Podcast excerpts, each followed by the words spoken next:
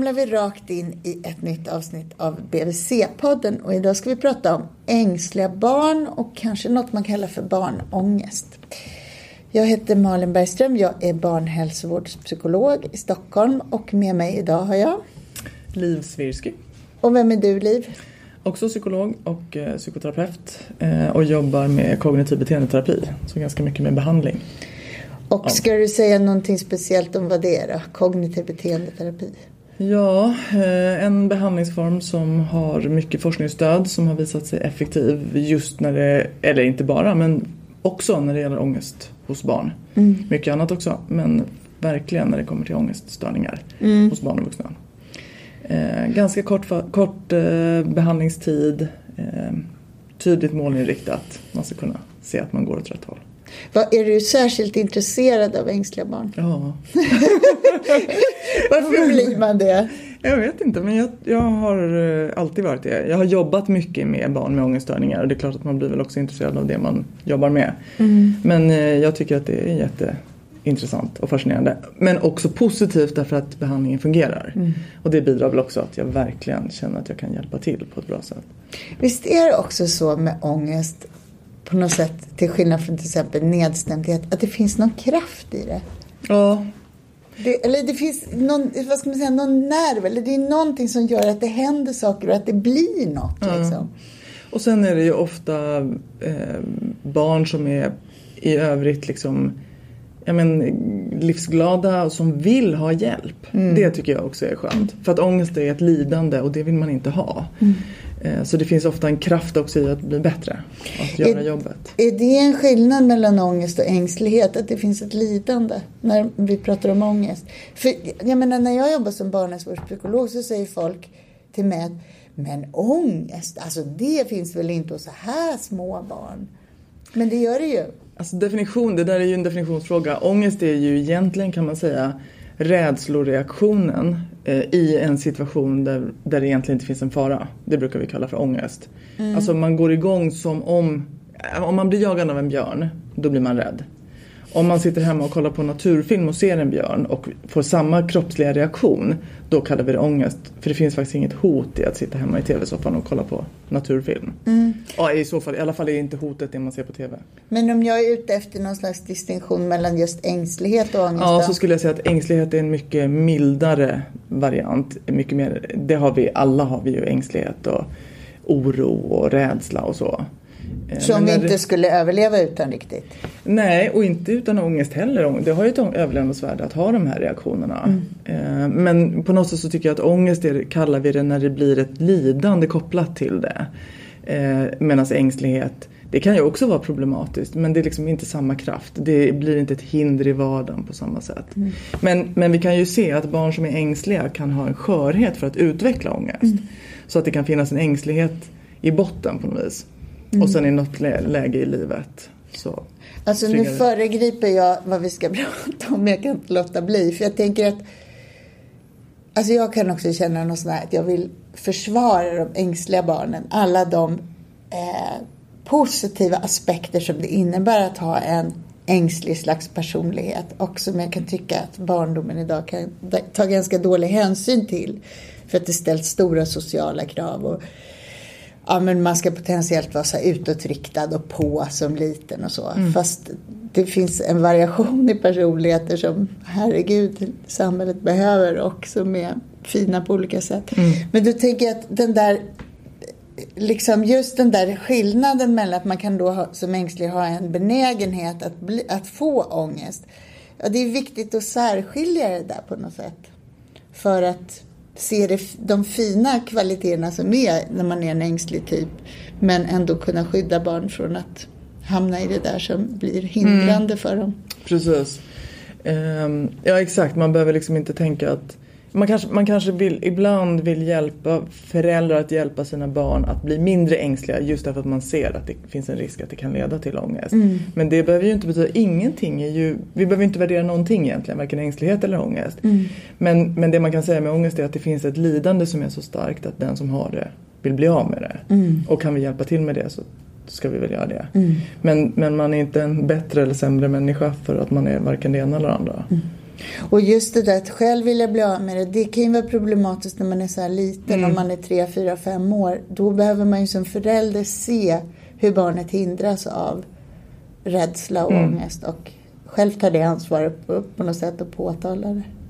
Verkligen, för den som är rädd och inte riktigt förstår att rädslan inte är nödvändig eh, den vill ju bara bort från det som skrämmer. Mm. Det är ju det som är den liksom, medfödda instinkten. Det som hotar oss ska vi försöka ta oss ifrån. Mm. Och sen om det som hotar mig är en Mumindocka eller någonting, det spelar ju ingen roll. Jag vill bort från det och är man tre år har man ingen möjlighet att förstå att det här som min kropp gör nu, det är bara lur. Mm. Liksom. Utan då är det bara att ta bort den där. Mm. Så det, det, kräver en ganska, liksom, då måste man vara betydligt äldre för att själv förstå att min rädsla är det som är problemet. Om, alltså man tänker, man kanske både kan prata om ängslighet och, och, och, och ångest hos barn, men hur vanligt är det? Eh, ängslighet eh, är nog, skulle jag säga, väldigt vanligt. Det är många som har. Men ångest, där ser vi att när vi säger ångest så menar vi egentligen ångeststörningar. Det finns ju vissa diagnoser som man som mm. liksom kan uppfylla. Och det är upp till 20 procent av alla barn och ungdomar som någon gång under sin barn och ungdomstid uppfyller den kriterierna för åtminstone en ångeststörning. Det betyder var femte barn? Ja, exakt. Men då är det ju så att det är mycket färre förskolebarn. Men kan det bero på att man inte ser det och att de får mycket vuxenstöd så att det där inte blir ett problem eller?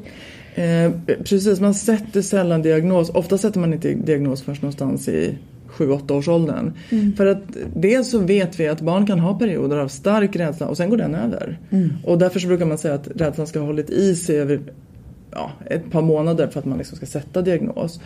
Så att vi inte diagnostiserar det som är normalt i utvecklingen utan faktiskt väntar lite. Och det kanske man ska säga tydligt att det är normalt i utvecklingen att ha en mardröm, att vara livrädd för konstiga grejer i perioder Precis. och sen får man hjälp och så går det över. Och det är en del att lära sig att hantera livets utmaningar ja, också. Exakt. Så, eh, och sen så är det svårt, men små barn kan inte riktigt förklara. Då är det också svårt att sätta diagnos på dem. Och, liksom, och sen kan man väl säga så att det har inte jättestort värde att sätta en diagnos på ett väldigt litet barn. Det gör ingenting om man sätter diagnosen när barnet är åtta. Mm. För det är ändå då man, man har mest framgång med behandling, när barnet börjar bli lite större. Mm. Så att det är liksom inte så bråttom. Och sen känns det också så jobbigt eftersom det heter ångeststörning på vårt språk. Att mm. säga det om små barn. Mm. Man vill inte liksom klistra på dem. Men du säger att man har bättre eh, framgång med behandling när barnet har kommit upp i skolåldern. Men är det inte också så att det är faktiskt viktigt hur barnet bemöts och hur man hanterar barns rädslor redan när de är små? För det där tenderar att bli liksom en vad heter det, nu visar jag med fingrarna. Mm. Tror jag att du menar, eller snöbollstrafik ja. Uh, ja men ex, absolut, alltså, har man ett barn som är väldigt ängsligt så kan man ju liksom man kan ju möta det med att på något sätt förstärka ängsligheten och då kan man ju tänka då kommer den sannolikt att växa och bli värre.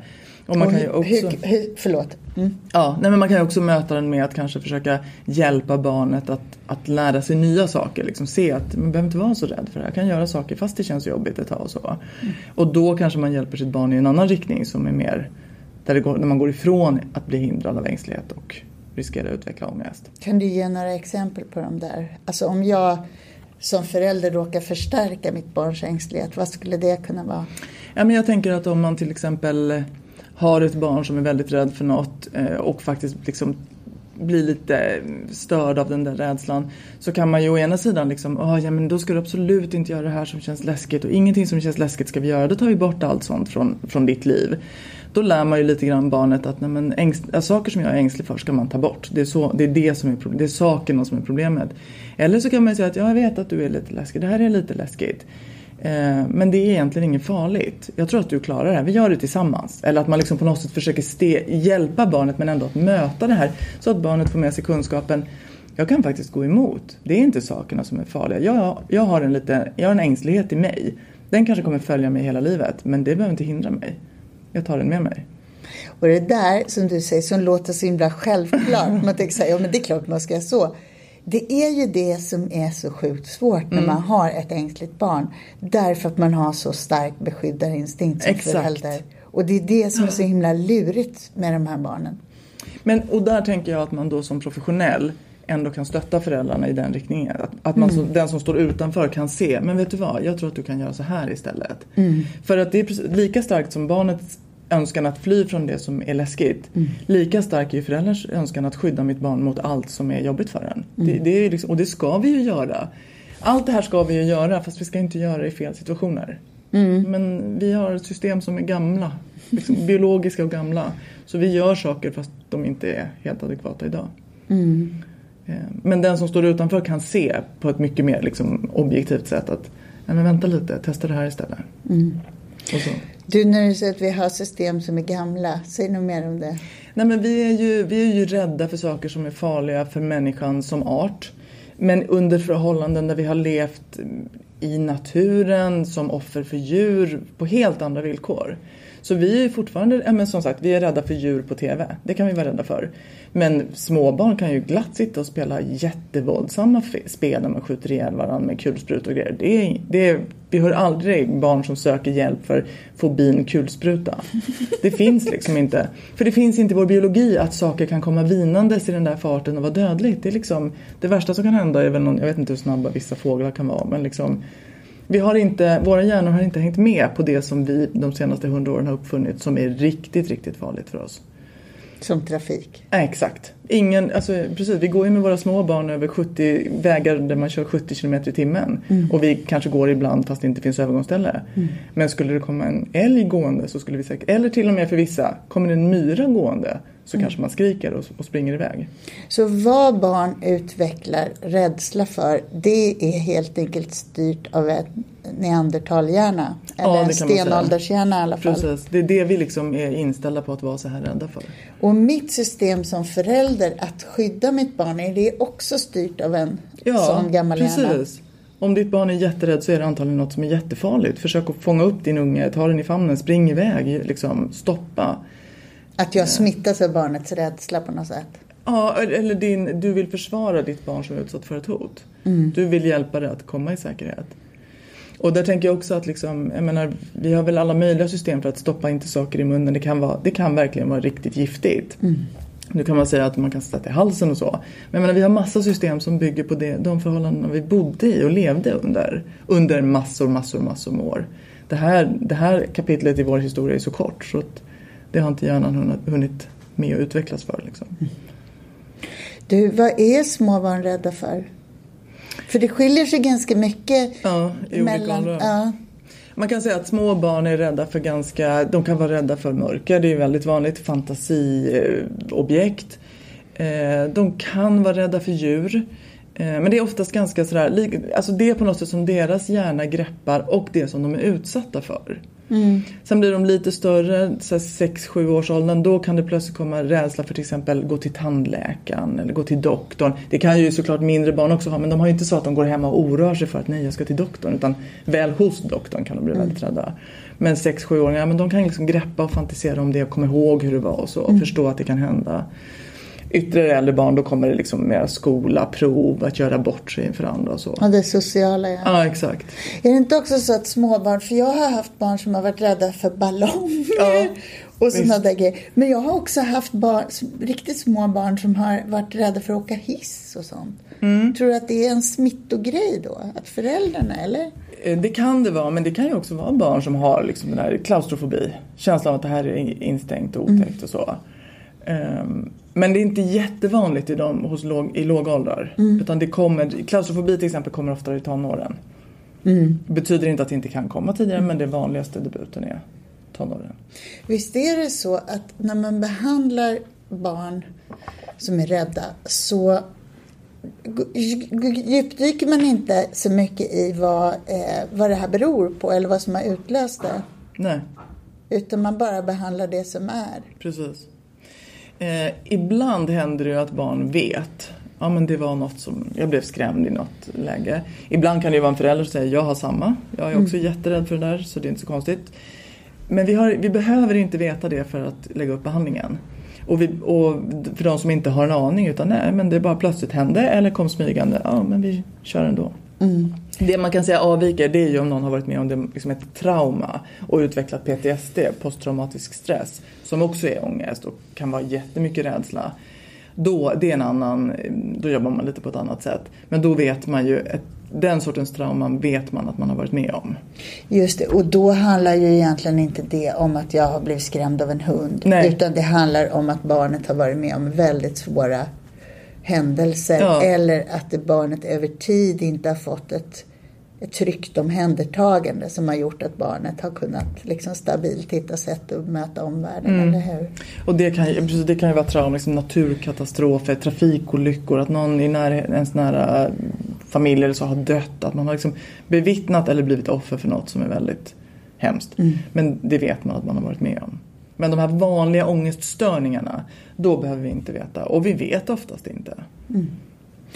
Du, eh, du sa att ibland är det så att jag som förälder säger att men det där är jag också rädd för. Och så smittar det liksom inom familjen. Eller jag råkar lära barnet ett förhållningssätt som gör att ungen blir rädd för samma grej som jag. Men vad finns det annars för, vad vet vi om vem som blir rädd? Vad finns det för riskfaktorer? Eh, vi vet att det finns ärftlighet. Eh, så att man kan ju smitta sitt barn, eller smitta då, men liksom, det kan ha gått i arv men det kan också smitta i miljön. Att, att man som förälder visar att det här är läskigt. Eller visar det här ängsliga, lite undvikande förhållningssättet. Att det är det man lär sitt barn. Om något är obehagligt, gå därifrån. Ehm, och sen eh, tror vi, alltså inlärningseffekter. Det känns skönt att gå ifrån någonting som är obehagligt så jag vänjer mig vid att göra det och låter den strategin sprida sig. Eh, så att förmodligen är det en kombination av både biologi och eh, miljö. Eh, inlärningssituationer. Men för den enskilda individen kan vi nästan inte säga vad det beror på utan det här kan man se på gruppnivå. Att I stora grupper kan vi se att de här grejerna verkar samverka. Sen kan man säga också att även om man har sårbarhetsfaktorer som då man har ärvt det så behövs det någon, någonting som stressar igång systemet. Så man kan, ha, man kan ha sitt arv. Ja, men det finns ju barn till föräldrar som har jättemycket ångest som aldrig utvecklar ångeststörning. Och så finns det andra som gör det. Du, en, en vanlig grej på BVC det är ju att barn är blyga. Att man säger hon är blyg eller han är blyg och, och därför hur ser liksom relationen mellan att vara ängslig, ha ångest och att vara blyg ut? Jag tänker att blyghet och ängslighet är i samma kategori. Eh, och ångest, då finns det ju den ångeststörning som man kallar för social fobi eller social ångest. Eh, det är liksom den variant där det inte längre är vardagligt liksom, utan där det blir mycket större problem. Det är inte ett personlighetsdrag utan en, ett problem. Ja, det är verkligen ett problem. Så man kan tänka sig att blyghet och social ångest ligger som på ett kontinuum. Eller social fobi säger jag nu för att markera att det är liksom en ångeststörning. Eh, Att det ligger på ett kontinuum och att de allra flesta barn är ju blyga i mer eller mindre omfattning. Eh, och sen finns det de som är ganska mycket blyga och sen finns det de där man känner att det här är mer. Och då är det, börjar man liksom tänka social ångest, social fobi istället.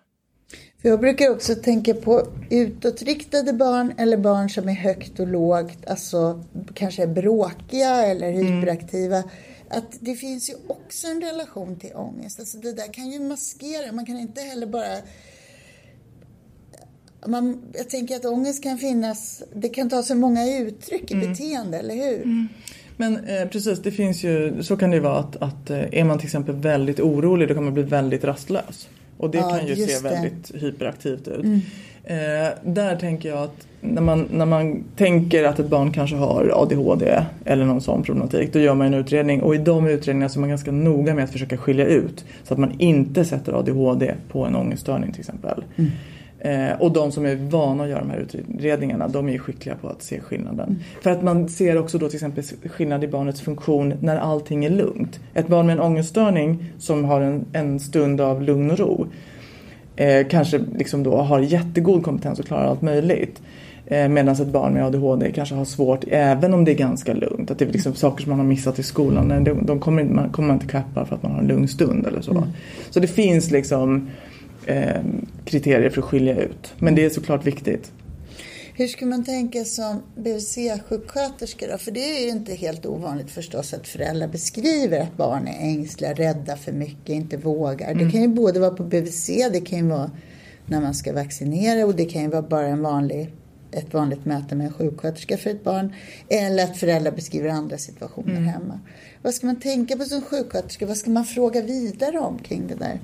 Jag tycker att man ska tänka att eh, ängslighet är normalt och det kan vara övergående och liksom så att man inte behöver göra en stor sak av det. Men om man tycker, om det är en förälder som känner att det här börjar bli jobbigt eller liksom, det ställer till det för barnet. Då tycker jag man kan titta på, ja, men okej, hur kan man uppmuntra det här barnet att utmana sina gränser lite? Att lite grann trycka ut liksom, kanterna så man får lite större område att röra sig på. Du menar att man som sjuksköterska kan uppmana Upp- föräldrarna precis. till ett sådant förhållningssätt? Kan du ge lite exempel på det? Ja, men testa till exempel om du har ett barn som är rädd för att gå och bada. Ja, men testa att gå till simhallen då. Sitt och kolla en stund. Doppa fötterna. Gå ner för stegen. Alltså prova lite grann. Liksom. Sätt på puffar och badring och vad som nu. Så. Och sen, ja men det var bra. Det var ett steg. Alltså att man inte bara säger nej okej, hen vill inte, då gör vi inte det. Utan att man lite grann liksom knuffar barnet i någon riktning. De flesta barn blir ju otroligt glada och stolta när de har gjort något sånt. Och plötsligt så här, åh jag älskar att bada. Och det vill man ju unna barnet att få den upplevelsen. Så att man ser det också. Att liksom, och också prata med barnet om, vet du vad, jag tror du klarar det. Jag tror att du är rädd nu och tycker att det känns jobbigt, men jag tror att du klarar det ändå. Och sen när man har gjort några sådana töjningar liksom av systemet, då kan man ju hänvisa tillbaks. Kommer du ihåg hur det var när vi gick och badade? Tyckte du var dödligt? Ska vi prova att åka skidor och se hur det är? Så att liksom inte, inte gå med barnet i, nej det här känns jobbigt, då gör vi inte det. Utan pusha lite på gränsen. Exakt det där med bada har jag varit med om själv. Mm. Här barn som man badar 20 gånger och barnet inte släpper den här äh, relingen liksom till trappan. och så ska man ändå fortsätta att bada för att man tänker att om, men om en hand lossnar så kan man se det där, liksom, en unge som ser skitglad Ja. ut. Liksom, eller vågar ut på djupa eller så. Men det är ju jättehärligt när de upptäcker det. Och sen tänker jag då att man som förälder uppmuntrar det som går. Att liksom inte bli förbannad eller sådär, du kan, varför kan du aldrig eller skärp dig nu eller så. Utan försök att liksom glädjas med framstegen. Det kan vara svårt för man kan bli frustrerad som förälder. Men det där är väl en jätteviktig aspekt också. Att, för, att leva sig in i barnet. Att förstå att det är rädsla som hindrar. Och kanske har man själv varit rädd någon gång eller vet hur det är att utmana det. Precis, och då kan man ta det som använd den erfarenheten i så fall. För även om man kan tycka att barnets, det barnet är rädd för känns fånigt eller liksom, så är det ju så stort det är för barnet. Och det är alltid fånigt med rädslor nästan. Om det inte är För den som trafik, inte är liksom. rädd. Mm, För den som inte är rädd. Och tänker jag i det också att jag menar, en del av att man blir irriterad det är också att man som förälder inte har strategier för att hjälpa den. Att man känner fasen att man skulle så gärna vilja kunna ta den i famnen och gå ner i den där bassängen och den skulle känna hur härligt det var. Så det vill man ju också hitta någon sån där hos sig själv som förälder så att man verkligen kan hjälpa ungen vidare. Och försöka hitta lite lugn och, och tålamod. Så det är liksom det grundkonceptet i råd. Att man uppmuntrar föräldrar att leva sig in i barnet och att, som du sa, tänja liksom. Utmana rädslor tillsammans. Precis. För där tänker jag att man ger barnet också väldigt viktig livskunskap. Att det går att utmana. Man måste inte låta sig hejdas av, av rädslor som är irrelevanta. Utan man kan faktiskt ha dem och ändå göra saker. Och det är bra Ja det, ja, det är verkligen grunden tycker jag i ångest. Att, att få den känslan, Ja. att få sådana erfarenheter. Så, så kan man ge barn det redan i låga åldrar så har man gett dem en stor gåva. Sen om man som på BVC tänker att man kanske, det är nog mera då sen i skolhälsovården som man kanske tänker att nej men det här är mer, det här börjar övergå i en ångeststörning. Och då tycker jag att man ska rekommendera psykologisk behandling som, som, som första alternativ. Det är ju det som är första alternativet. Det är det de barnen ska få. Och vad tänker du då? då? Eh, KBT. ja men tänk faktiskt. ett exempel. När ska jag tänka det då? Ja, men om man har en 7-8-åring som varje dag har jättesvårt att lämna föräldrarna på väg till skolan. Det är separationsångest som är jobbig varenda dag och oro sen inför att de ska komma och hämta och kommer de verkligen komma? Tänk om något har hänt. Eller ett barn som nej men vågar inte gå med på utflykter för det finns läskiga djur eller det kan bli åska eller så. Eh, barn som vägrar att gå hem till kompisar för de kanske har hundar eller någonting. så. Alltså man ser att liksom, det här barnet, och, och där man också kan se det här barnet vill. Det här barnet skulle jättegärna gå hem och leka hos Åh, det Pelle. där skär igen. Ja men verkligen och då tycker jag att, ja men okej. Se om det inte går att få hjälp. Mm. I mellanstadiet om man ser att man har barn som är liksom blyga på gränsen till, ja men vågar inte räcka upp handen, ställer inga frågor. Eh, går därifrån, man kan misstänka att barnet ljuger och håller sig borta liksom, när det blir typ läsa högt eller föredra eller så. Tycker jag också att söka hjälp. Mm. Men om man tänker med de minsta barnen då? För jag har ibland tänkt att det där att en psykolog som kan det här kan ge ganska mycket hjälp och ganska lite tid till föräldrar. Mm. Och då är det föräldrarna man träffar. Så har man ett barn som man känner att men det här, alltså ängslighet eller ångest är oklart men det här är jobbigt för familjen. Ja men ta en timmes konsultation, det är kanske det som behövs. Men då är det föräldrarna man träffar, mm. då träffar man inte barnet. Om det är en fyraåring? Ja, eller till och med skulle jag säga en sex, sjuåring. Alltså de, så små barn, det är en jättekonstig situation att sitta hos en psykolog och liksom det är inget kul för barn och, och föräldrarna kan ofta berätta så bra själva så det mm. behövs inte. Mm. Ehm, så att ja, utgångsläget för mig är alltid med så små barn att jag bara träffar föräldrarna. Mm. Det är först när barnen är uppåt ja, 8, 9, 10 som jag tycker att de kan få ut något av att träffa mig. Kan inte du beskriva Liv, någon, alltså hur går psykologisk behandling till? För jag tänker att man kan ha en viss tröskel. Och, Inför att gå dit? Ja, det mm. tänker jag. Så det, jag tror att det är bra att få veta lite. Jag tror det är bra som BHV-sjuksköterska också veta lite. Vad är det man gör? Vad är det, finns det ett magiskt trick? Eller vad? Mm, massor av magiska trick. Eh, ja, men det vi gör är ju att vi alltid inleder med det som vi kallar bedömningssamtal. Alltså där man tar in bara information. Hur är situationen? Och då vill man ju veta lite mer om barnet också. Hur funkar barnet i skolmiljön med andra vuxna, med kompisar? Är barnet friskt rent kroppsligt? Eh, hur funkar sömn? Hur funkar aptit? Alltså lite så att man liksom gör sig en lite så att man vet att jag kan zooma in på det här. Det finns inte massa annat som stökar runt. Är familjen belastad på något annat sätt? Händer det mycket? Jag menar finns det andra saker som man kan tänka sig spökar? Gör det inte det, då blir nästa steg att det ger det som vi kallar för en rational. Alltså att man förklarar ganska, ger ganska mycket kunskap om vad ångest är, varför man kan tänka sig att barnet har det och vad man kan göra åt det. Mm. Så, att, så att föräldrarna då, eh, och i den mån barnet är med, även barnet, ska få kunskap och liksom känna att aha, det är det här det handlar om. Mm. För bara det gör för många jättestor nytta.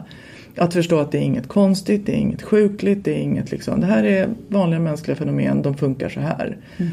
Och sen går man in då, om man gör det en riktig liksom behandling för en ångeststörning. Ja, eller om du tänker att du gör det via föräldrarna. Ja, då är det via föräldrarna så kanske man liksom försöker tillsammans med föräldrarna komma på saker som det här skulle ni kunna öva med barnet. Förklara för barnet på det här sättet. Eh, läs en saga, det finns lite sånt material. Eh, så att barnet förstår.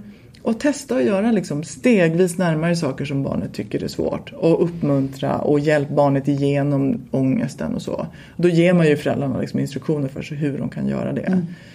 Mm. Eh, och ibland så är det ett eller två samtal som behövs. Mm.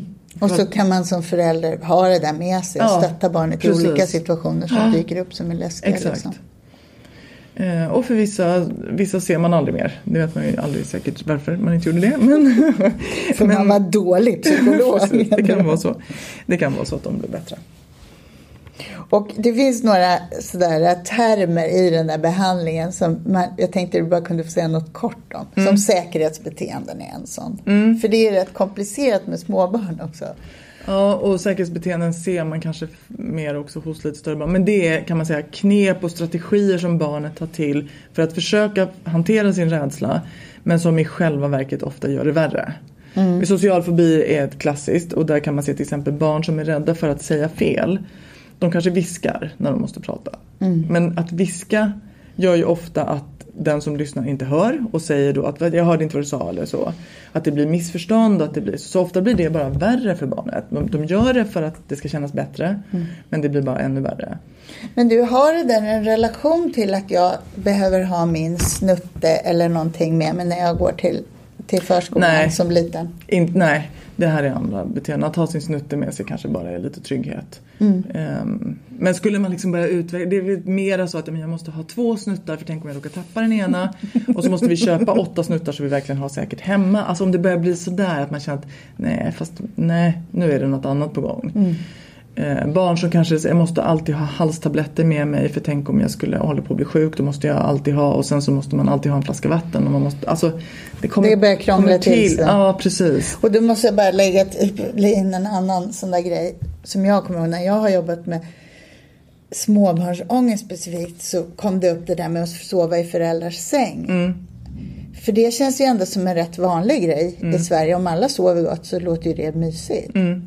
Men det kan också bli ett problem, eller hur? Ja men och precis, alltså om man sover i föräldrarnas säng för att man är rädd för att sova i sitt eget rum. Om man kanske börjar bli 8-9 år och tar ganska stor plats och liksom, ja men då är det ju ett problem. Då gör man ju inte det för att det är mysigt i första hand, då gör man ju det för att man inte vill vara i sitt eget rum. Eh, och det kanske också blir då så att nej, men jag kan inte ha kompisar som sover över för jag vill inte att de ska se att jag sover hos mamma. Och jag kan absolut inte sova borta. Nej men då har man ju ett problem. Och det kan man slippa så länge det inte är ett problem. Men när det börjar Exakt. liksom leva sitt eget liv och man missar grejer eller man inte mår bra av det. Det är då man behöver Ja. hjälpa barn över den där, Precis. eller hur? Och att en liksom treåring, femåring sover i föräldrarnas säng och tycker, de kan ju tycka att det är, de är mörkrädda, de tycker det är lite läskigt. Ja men då kan det kännas ganska åldersadekvat. Men någonstans går det ju över en gräns där man känner att nej men det här är inte längre, det är inte riktigt åldersadekvat. Det här börjar bli ett problem på ett annat sätt. Och börjar man själv bli irriterad så är det också ett Ja problem. visst, och det kanske man blir om man har en stor unge i sängen. Att, att man inte kan sträcka ut sig. Det kan man bli även om man har en liten unge i sängen. Det är en annan sån där grej som vi redan har pratat om, eller du har redan berättat vad det är, men som vi kallar för undvikanden. Som ändå är en liksom så här kärngrej i ångest. Mm. Att man he- helt enkelt undviker det man är rädd för. Men ofta har undvikande en tendens att också bli en snöboll. Alltså att först undviker man vissa saker och sen kommer man på att men den där saken skulle kunna leda till den andra saken. Bäst jag undviker den också. Eller den där saken är lite lik den andra saken. Och sen har man plötsligt ganska mycket som man undviker.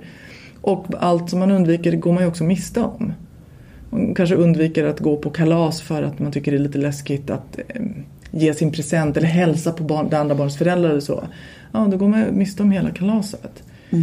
Och det kan vara tråkigt. Och det är också så lurt, för det är också en normal mänsklig grej att vi undviker grejer som vi inte gillar. Men det är, man måste hela tiden vara medveten om att när det där börjar lägga krokben för Precis. ungen, det är då man kanske ändå måste uppmärksamma Ja. det så att barnet vidgar sin värld och inte snävar in den. Precis. Liksom. Och, och jag tänker också att här, det är okej att undvika saker för att man inte har lust.